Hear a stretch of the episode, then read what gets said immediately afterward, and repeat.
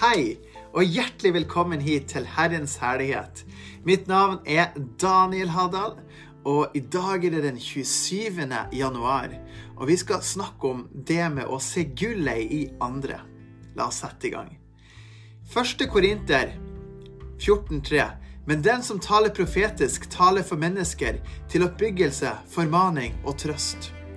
Og dagens vers er 1. Tessalonikerbrev 5,11. Derfor må dere oppmuntre og oppbygge hverandre slik dere gjør. Dagens bibelkapitler er 2. Mosebok 7-8 og Markus kapittel 3. Skriften oppmuntrer oss til å bygge hverandre opp, til å tale liv og velsignelse, da til å velsigne både venner og fiender. Uansett så er Guds rikes kultur oppbyggende. Som mennesker er vi skapt i Guds bilde, og, og Gud ønsker at vi ikke rakker ned på hverandre, men heller bygge hverandre opp. Noe vi alle kan gjøre, er å se gullet i mennesker. Alle og enhver har gull i seg, men iblant trenger vi å se ut ifra åndelige, gudgitte linser, og ikke ut fra våre eget begrep og fatteevne. Men for å klare dette trenger vi å holde oss nær Jesus. Når vi er i Jesus, vil vi kunne ha åndelig bedømmelse av mennesker og situasjoner. Det profetiske er et fantastisk Guds rike verdi som handler om å bygge opp både enkeltpersoner og menigheten. Men det kan vi tale liv, velsignelse og se både omstendigheter og omgivelser ut ifra Guds rikes hjerte og ståsted. I Jeremia 29,11.: For jeg vet hvilke tanker jeg tenker om dere, sier Herren. Tanker til fred og ikke til noe ondt. Jeg vil gi dere framtid og håp. Her viser Skriften oss at Gud tenker godt om alle mennesker. Han har fredstanker til både onde og gode mennesker. Derfor skal vi kunne samarbeide med Guds hellige ånd, og med det kalle ut velsignelser og gullet som ligger i mennesker. Istedenfor å irritere seg veldig over noen, kan du spørre Den hellige ånd om hva godt han har å si om det mennesket. Så kan du se de ut fra Guds perspektiv og når du først har fått opp øynene for andre, kan du like gjerne dele det positive med vedkommende. Jeg pleier selv å praktisere dette med å bygge opp mennesker rundt meg. En kjerneverdi jeg har, er at mennesker skal bli, skal bli føle seg oppmuntret, styrket og sett etter å ha møtt eller vært i kontakt med meg. Spørsmål du kan stille deg. Hvordan kan du bygge opp mennesker som kommer i din vei? Hva kan du gjøre for å lettere se gullet i andre folk. Så ord fra Herren, ta det her til deg som at Gud bare taler direkte til deg gjennom her. Vær ikke vis i din egen forstand, men kom til meg med dine tanker og gjerninger. Ved min ånd har jeg lagt ned i deg kunnskap og visdom. Du har fått min innsikt over deg. Efeserne 1,17. Jeg ber om at vår Herre Jesu Kristi Gud, herlighetens Far, må gi dere visdomsåpenbaringsånd, så dere kan lære ham å kjenne. Og at deres forstands øyne blir opplyst, så dere kan forstå hvilket håp dere fikk ved hans kall, og hvor rik på herlighet hans arv er blant de hellige. Se, mine barn og de neste, ut ifra mitt hjerte. Døm ikke, så skal ikke du bli dømt. Bygg opp hverandre og gå i sann kjærlighet og nåde. Amen. Så flott. Da har vi lest her dagens andakt, som handler om det å se gullet i andre. Det er jo fantastisk fint. Og nå skal vi bare gå litt gjennom den andakten òg, og bare dele litt ut fra mine tanker og perspektiver. Klart, du er som skrevet det, men allikevel så skal jeg dele litt, litt dypere. da. Så ja, å se gull i andre. Hva vil det si? Å se gull i andre er at du ser mennesker ut fra Guds hjerte, Guds perspektiv og Guds kjærlighet. Ofte vi mennesker, vi, har, vi ser folk ut fra våre øyne. Du ser folk ut fra dine erfaringer, ut fra dine sår ut fra din oppfatningsevne.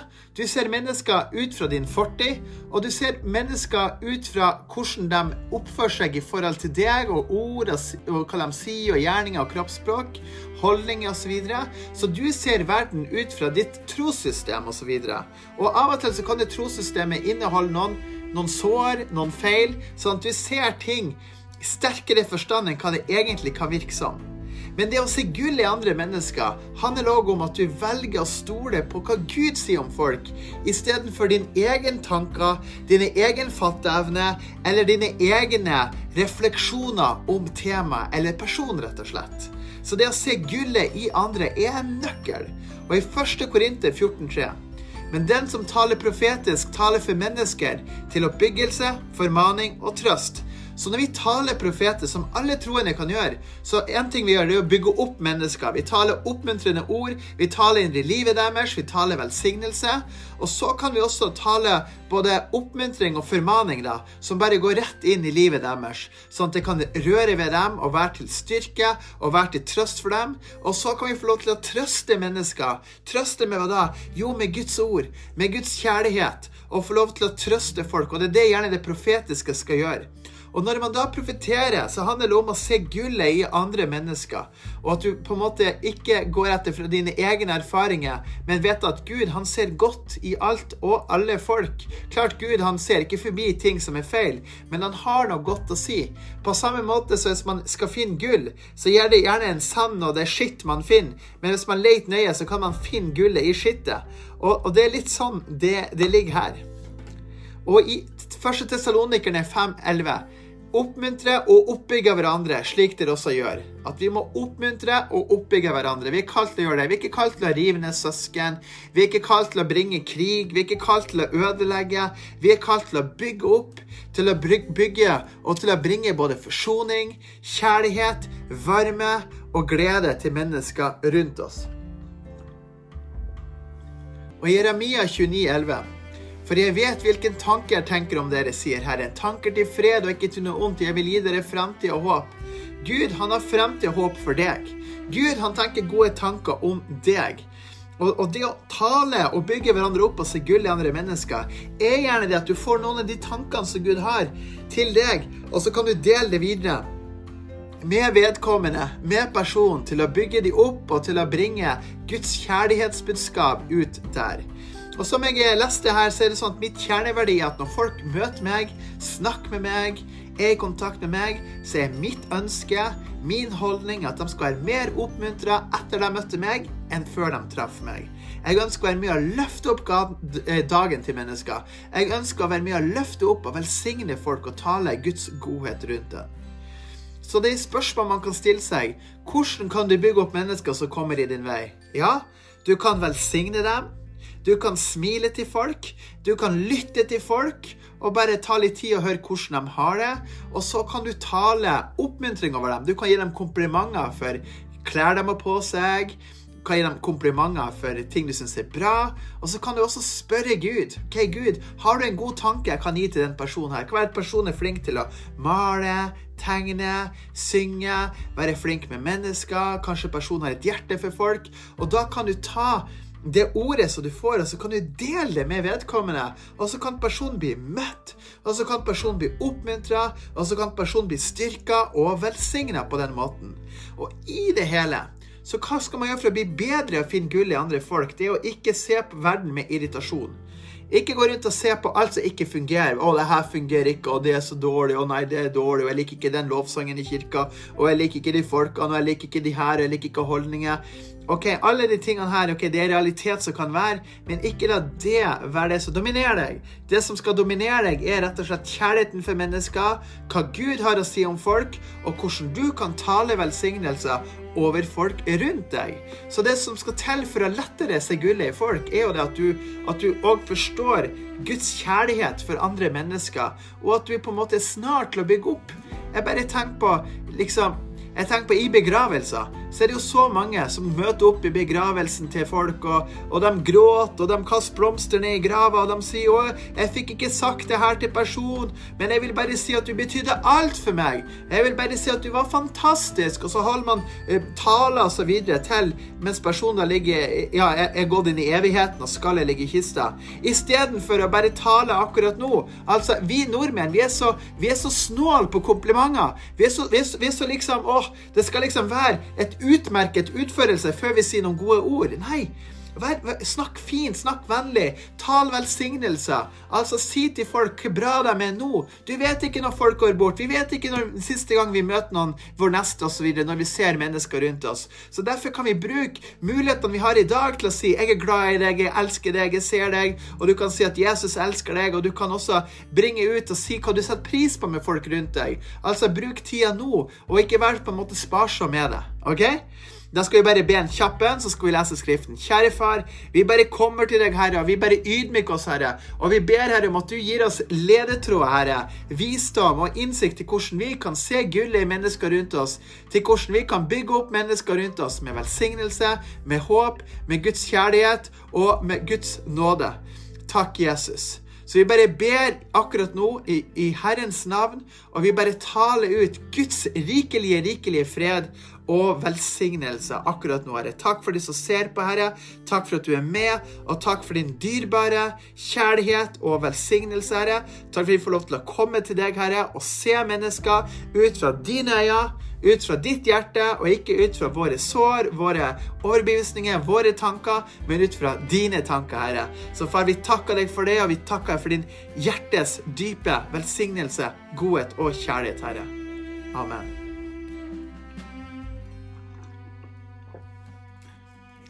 Da skal vi lese i Skriften, så det blir veldig bra. Til deg som ønsker å følge med på det her, så er det daglige andakter som heter for Herrens herlighet, som egentlig beskrevet ned daglig og lest opp. Og du kan finne det her på Spotify, på Apple Podcast. Skriv inn 'Herrens herlighet', eller skriv inn 'Daniel Haddal'. Du finner det på nettsida danielhaddal.no. Hver dag en ny oppmuntring til deg med podkast og video. Og så kan du også finne det på kingdomlifestyle.org. Så gjør det og følg med, og Guds fred være over deg rikelig.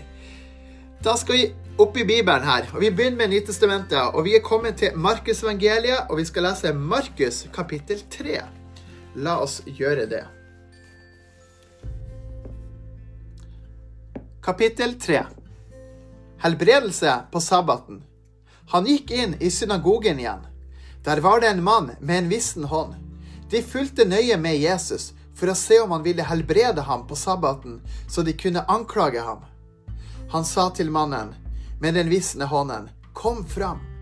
Så sa han til dem, Er det tillatt å gjøre godt eller å gjøre det ondt på sabbaten, å frelse et liv eller å slå i hjel? Men de tidde.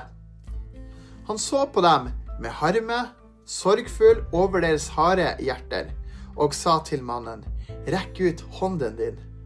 Han rakte den ut, og hånden hans ble lekt og ble like frisk som den andre. Da gikk fariseerne straks bort, og sammen med helodianerne begynte de å legge planer mot ham for å ta livet av ham. En stor folkeskare følger Jesus. Men Jesus trakk seg tilbake til sjøen sammen med sine disipler. En stor folkemengde fra Galilea fulgte med ham, også fra Judea, Jerusalem, Idumea og fra den andre siden av Jordan. Og det kom en mengde folk fra traktene omkring Tyros og Sidon. De kom til han fordi de hørte om alt det han gjorde. Han sa til sine disipler at en liten båt skulle holdes klar for ham pga. folkemengden, for at de ikke skulle trenge seg inn på ham. For han helbredet mange, så alle som hadde plager, trengte seg på for å røre ved ham. Hver gang de urene Åndene så ham, falt de ned for ham og ropte, Du er Guds sønn. Men han refset dem strengt for at de ikke skulle gjøre ham kjent. De tolv apostlene. Han gikk opp på fjellet og kalte til seg dem han selv ville, og de kom til ham. Han pekte seg ut tolv for at de skulle være sammen med ham, og for at han kunne sende dem ut for å forkynne, og ha fullmakt til å helbrede sykdommer og drive ut demoner. Simon, som han ga navnet Peter, Jakob, sønn av Sebedeus, og Johannes, bror til Jakob, ga han navnet Boanegres, vil si Tordensønner. Andreas, Philip, Bartolomeus, Matteus, Thomas, Jakob, sønn av Elfeus, Tadeus, Simon, Kananeus og Judas Iskariot, som også forrådte ham og de gikk inn i et hus. Et splittet hus kan ikke bli stående. Folkemengden kom da sammen igjen, så de ikke engang fikk spise brødet sitt.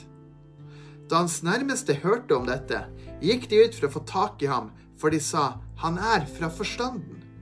De skriftlærde kom ned fra Jerusalem og sa, han er besatt av Belsebub, og det er ved demonens hersker han driver dem ut. Han kalte dem til seg og talte til dem i lignelser. Hvordan kan Satan drive Satan ut? Hvis et rike er kommet i strid med seg selv, kan ikke det riket bli stående. Hvis et hus er kommet i strid med seg selv, kan ikke det huset bli stående. Og hvis Satan har reist seg mot seg selv og har kommet i strid med seg selv, kan han ikke bli stående, men har fått sin ende. Ingen kan gå inn i den sterkes hus og plyndre godset hans hvis han ikke først binder den sterke, og siden går og plyndrer huset hans. Den utilgivelige synd. Sannelig sier jeg dere, alle synder og enhver bespottelse de uttaler, skal bli tilgitt menneskenes barn. Men den som spotter Den hellige ånd, får aldri tilgivelse, men blir skyldig til evig dom, for de hadde sagt, han har en uren ånd. Jesu mor og brødre sender bud. Da kom hans brødre og hans mor. De sto utenfor og sendte bud på ham. En folkemagne satt rundt ham, og de sa til ham, Se, din mor og dine brødre er utenfor og spør etter deg. Men han svarte dem og sa, Hvem er min mor? Eller mine brødre? Idet han så på dem som sitter rundt seg, sa han, Her er min mor og mine brødre. For den som gjør Guds vilje, er min bror, min søster og mor. Her leser vi her om at Jesus forteller det at den som gjør Guds vilje, er hans søster, hans mor, hans brødre.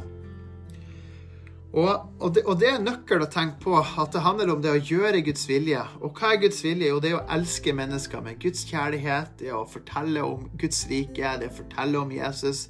Det er å dele evangeliet med folk rundt en som man møter. Og, og, det er noe å huske på. Og husk på det at Jesus han ble anklaga for alt mulig. Han ble anklaga for å være i kontakt med demoner, for at eh, han uh, drev ut demoner ved hjelp av demoniske krefter, sataniske eh, krefter. Men det var ikke tilfellet. Og han sier jo her hvordan kan Satan drive Satan ut? Og at et rike hvis et rike kommer i strid med seg selv, kan det ikke bli stående. Og det er noe Jesus sier, da, rett og slett. At det går ikke. Men han sier her at, eh, at, det han gjør, ikke sant, det er jo Han bare viser her at det her er ved Den hellige ånds kraft. Det her er ved Guds rikes kraft. Og det er jo klart at Han, eh, han, han valgte ut de tolv apostlene og salva dem og sendte dem ut til å helbrede syke og til å være et lys og til å, til å gjøre godt med mennesker. Det er jo klart at Jesus helbreda syke både på sabbaten og ellers, og det var mange reaksjoner på at han helbreda på sabbaten. Det var anklager mot han, det var stygge ord som talt mot han, og alt mulig sånn. Men han sa, er det tillatt å gjøre godt eller å gjøre ondt på sabbaten, og frelse et liv eller å slå i hjel? Men de tidde.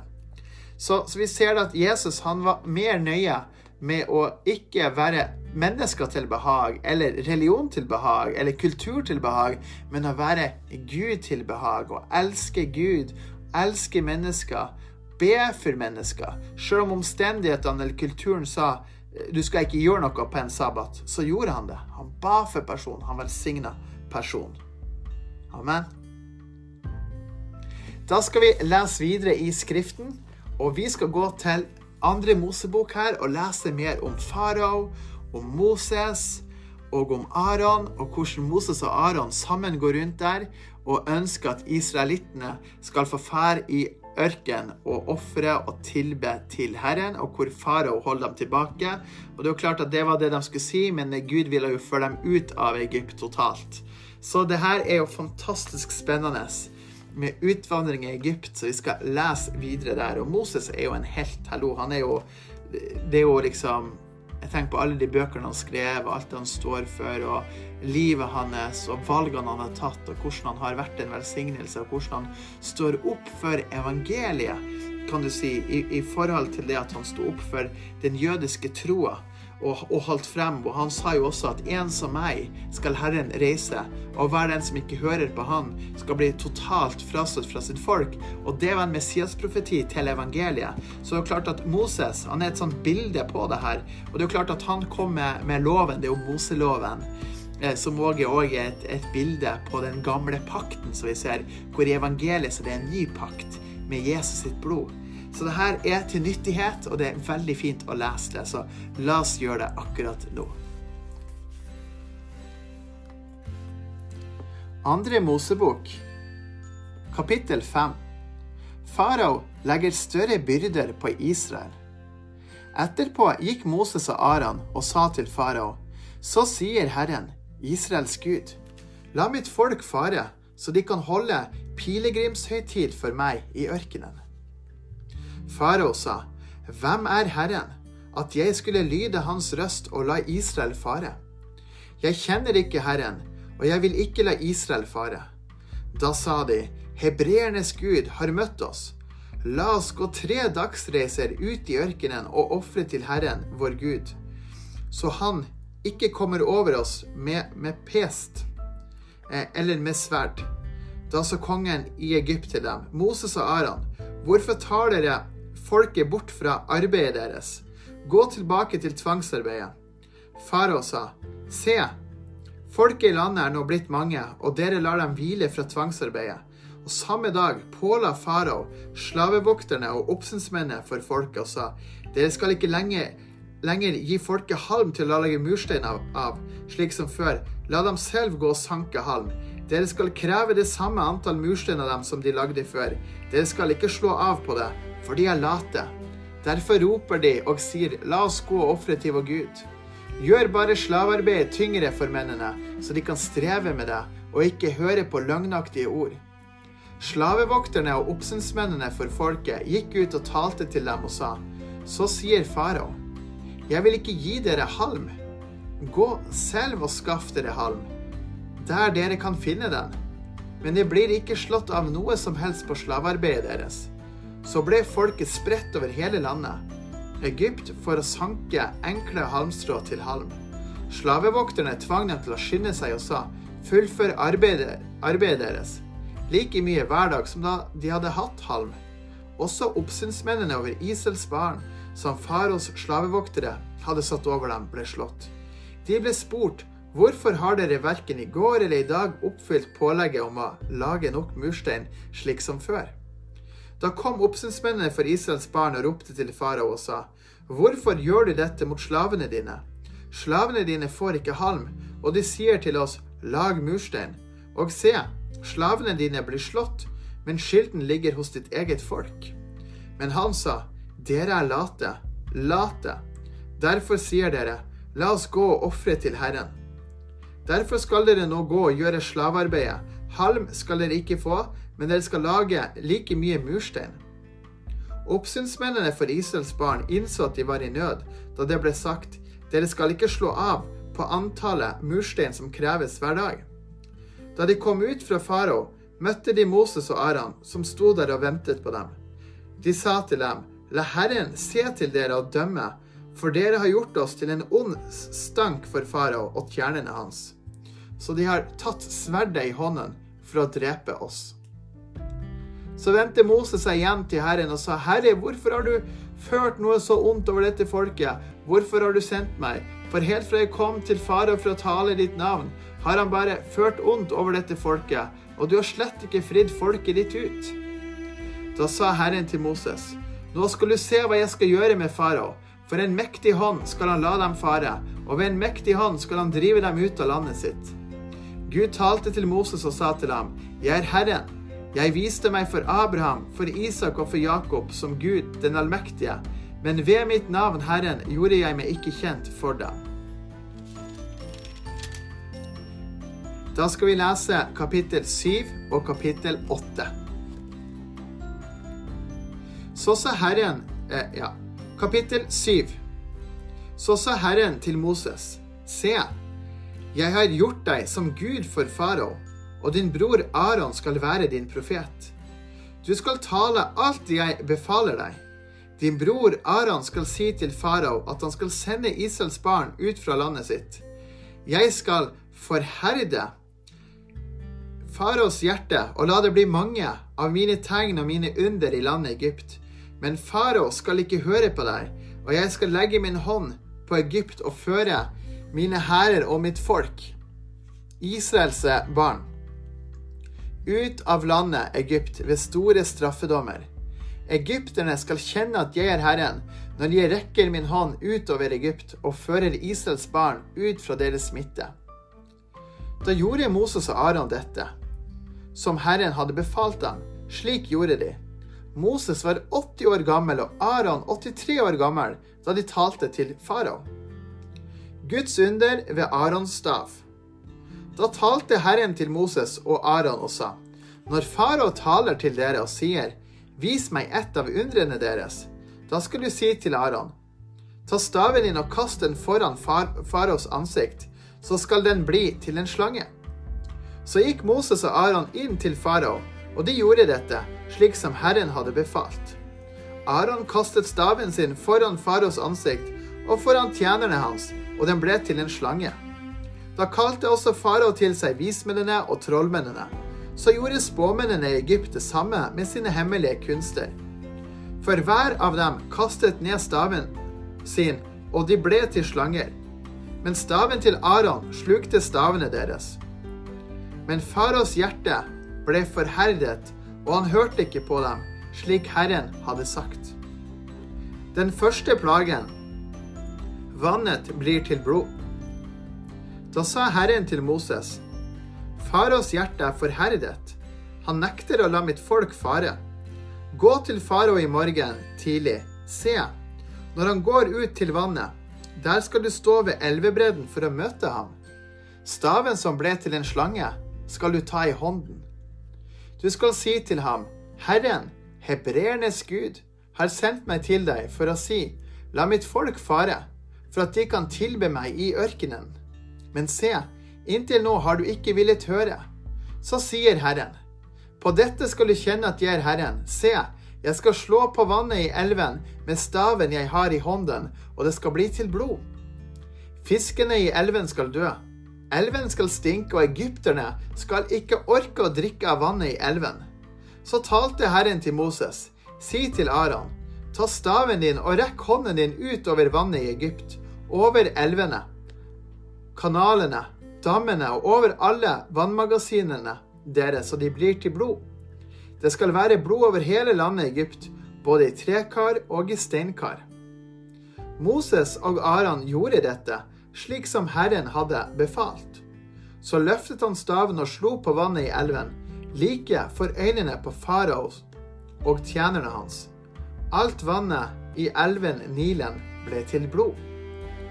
Fiskene i elven Nilen døde.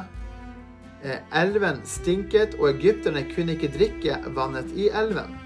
Slik ble det blod over hele landet Egypt. Da gjorde spåmennene i Egypt det samme med sine hemmelige kunster, men faraos hjerte ble forherret, og han hørte ikke på dem, slik Herren hadde sagt. Farao bare snudde seg og gikk inn i huset sitt, for heller ikke dette tok han til hjertet. Så gravde alle egypterne omkring elven etter drikkevann, for de kunne ikke drikke vannet i elven. Det gikk sju dager etter at Herren hadde slått elven Nilen.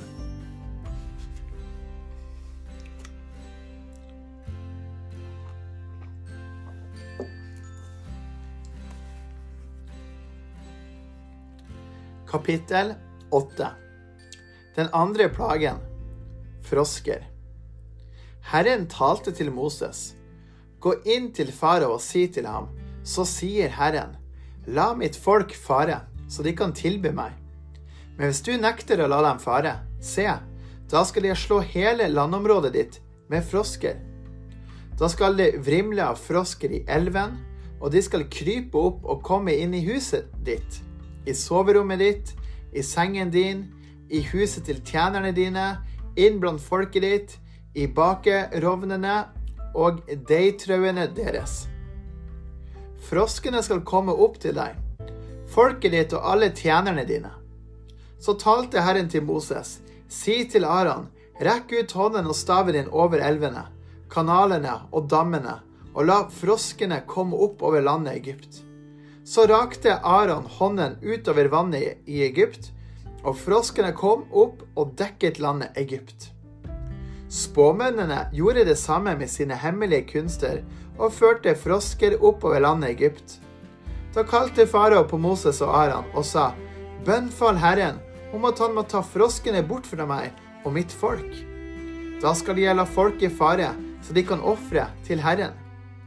Moses sa til farao, du skal få æren av å si når jeg skal gå i forbønn for deg, tjenerne og folket ditt, så froskene blir fordrevet fra dere og husene deres og bare er igjen i elven.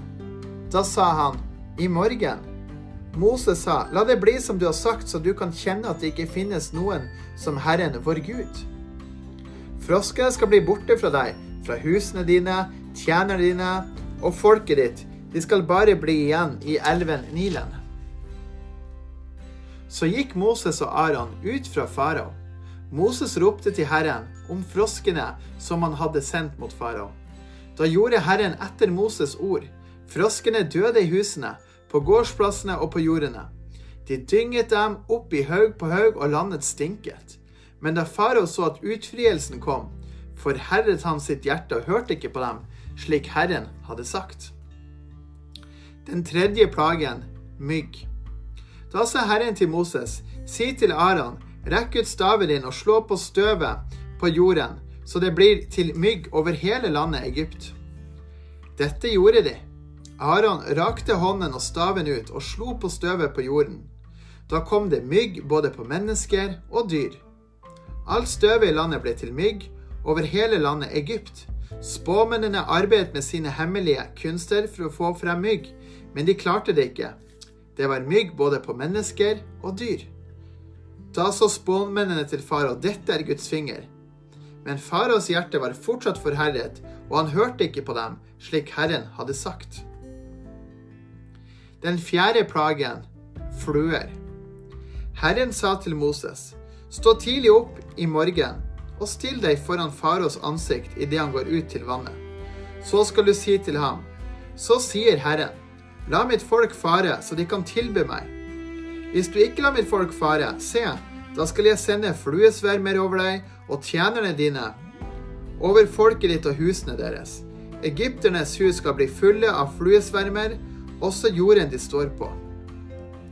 På den dagen skal jeg skille ut landet Gosen, der mitt folk holder til, så det ikke vil være noen fluesverm der. Det skjer for at du skal kjenne at jeg er Herren i landets midte. Jeg gjør forskjell på mitt folk og ditt folk. I morgen skal dette tegnet skje. Herren gjorde dette. Tykke fluesvermer kom inn i faraos hus, i huset til tjenerne hans og inn over hele landet Egypt. Landet ble ødelagt av fluesvermene.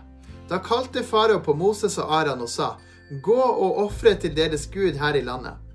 Men Moses sa, Det vil ikke være rett å gjøre det, for det vi ofrer til Herren vår Gud, er en styggedom for egypterne.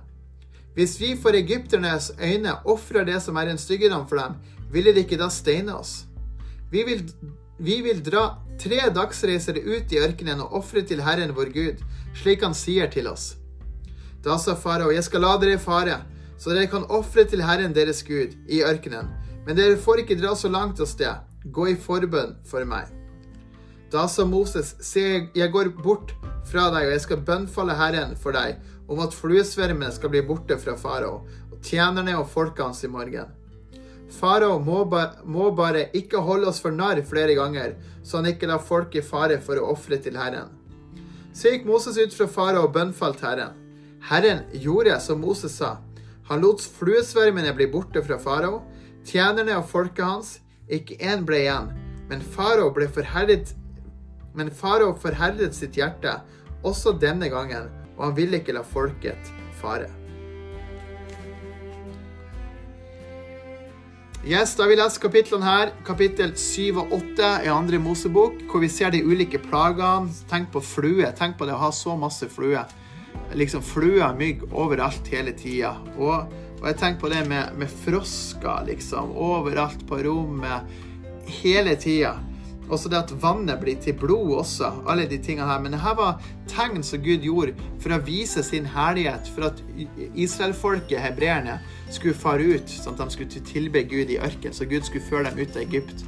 For det var et løfte Gud hadde gitt helt til Abraham at han skulle føre dem ut, og til Josef òg. Og til Jakob og Isak. Eh, om at eh, ja, israelittene skulle bli ført ut av Egypt til det landet som flyter av melk og honning. Så, så det her er utrolig fascinerende å lese. Det er sterkt, og vi ser hvordan farao forherder hjertet sitt. Men i det at farao forherder hjertet sitt, så tok jo Gud og demonstrerte sin herlighet og sin kraft og sin nåde, sånn at veldig mange mennesker fikk opp øynene for Israels Gud. Og de fikk bare wow. Herren, han er Gud. Israels Gud, han er virkelig Gud. Og Jeg bare gleder meg til å lese videre det vi skal se på i Skriftene om det her. Så det var det vi hadde for i dag. Må Gud velsigne deg rikelig. Sett veldig pris på alle dere som lytter til her, til alle som følger med. Jeg ønsker deg en velsigna tid videre. Gud elsker deg, og jeg taler velsignelse. Skal vi be en avslutningsbønn? Kjære far, jeg ber takk til for alle som uh, lytter til det her. Jeg ber om at de bare skal få en god dag videre. Jeg ber om din styrke over deres liv. Jeg ber Jesus at du fyller dem opp med din ånd, med din kraft, med håp, med, med nåde. Og jeg ber Herre om at de skal virkelig få et møte med deg, Herre. Erfare din herlighet, erfare din kjærlighet og din velsignelse over deres liv. Far, jeg takker deg for dem, og jeg ber at du skal velsigne dem rikelig, Herre, i ditt mektige navn, Herre. Vi bare tal imot plager, Herre, og vi bare ber om din fred og din legedom. I Jesus sitt mektige, mektige navn. Amen. Amen. Og husk å oppmuntre folk rundt deg. Tal velsignelser. Og trenger du helbredelse akkurat nå, så legg hånda der du har vondt, om det er på brystkassa, om det er hjertet, om det er ryggen, om det er hodet. Så kan du si, si de ordene her. Kan vi be sammen? Kan du si Jeg tar imot min helbredelse akkurat nå. På grunn av det Jesus har gjort for meg på korset. Jeg befaler plager å forsvinne akkurat nå. Sykdommer forsvinner akkurat nå smerte forsvinner på grunn av det Jesus har gjort for meg på korset. Jeg tar imot min helbredelse nå. Amen. Amen. Gjør det. Be, søk Gud, fortsett å lese i Skriften. Så snakkes vi videre i morgen. Ha det godt så lenge.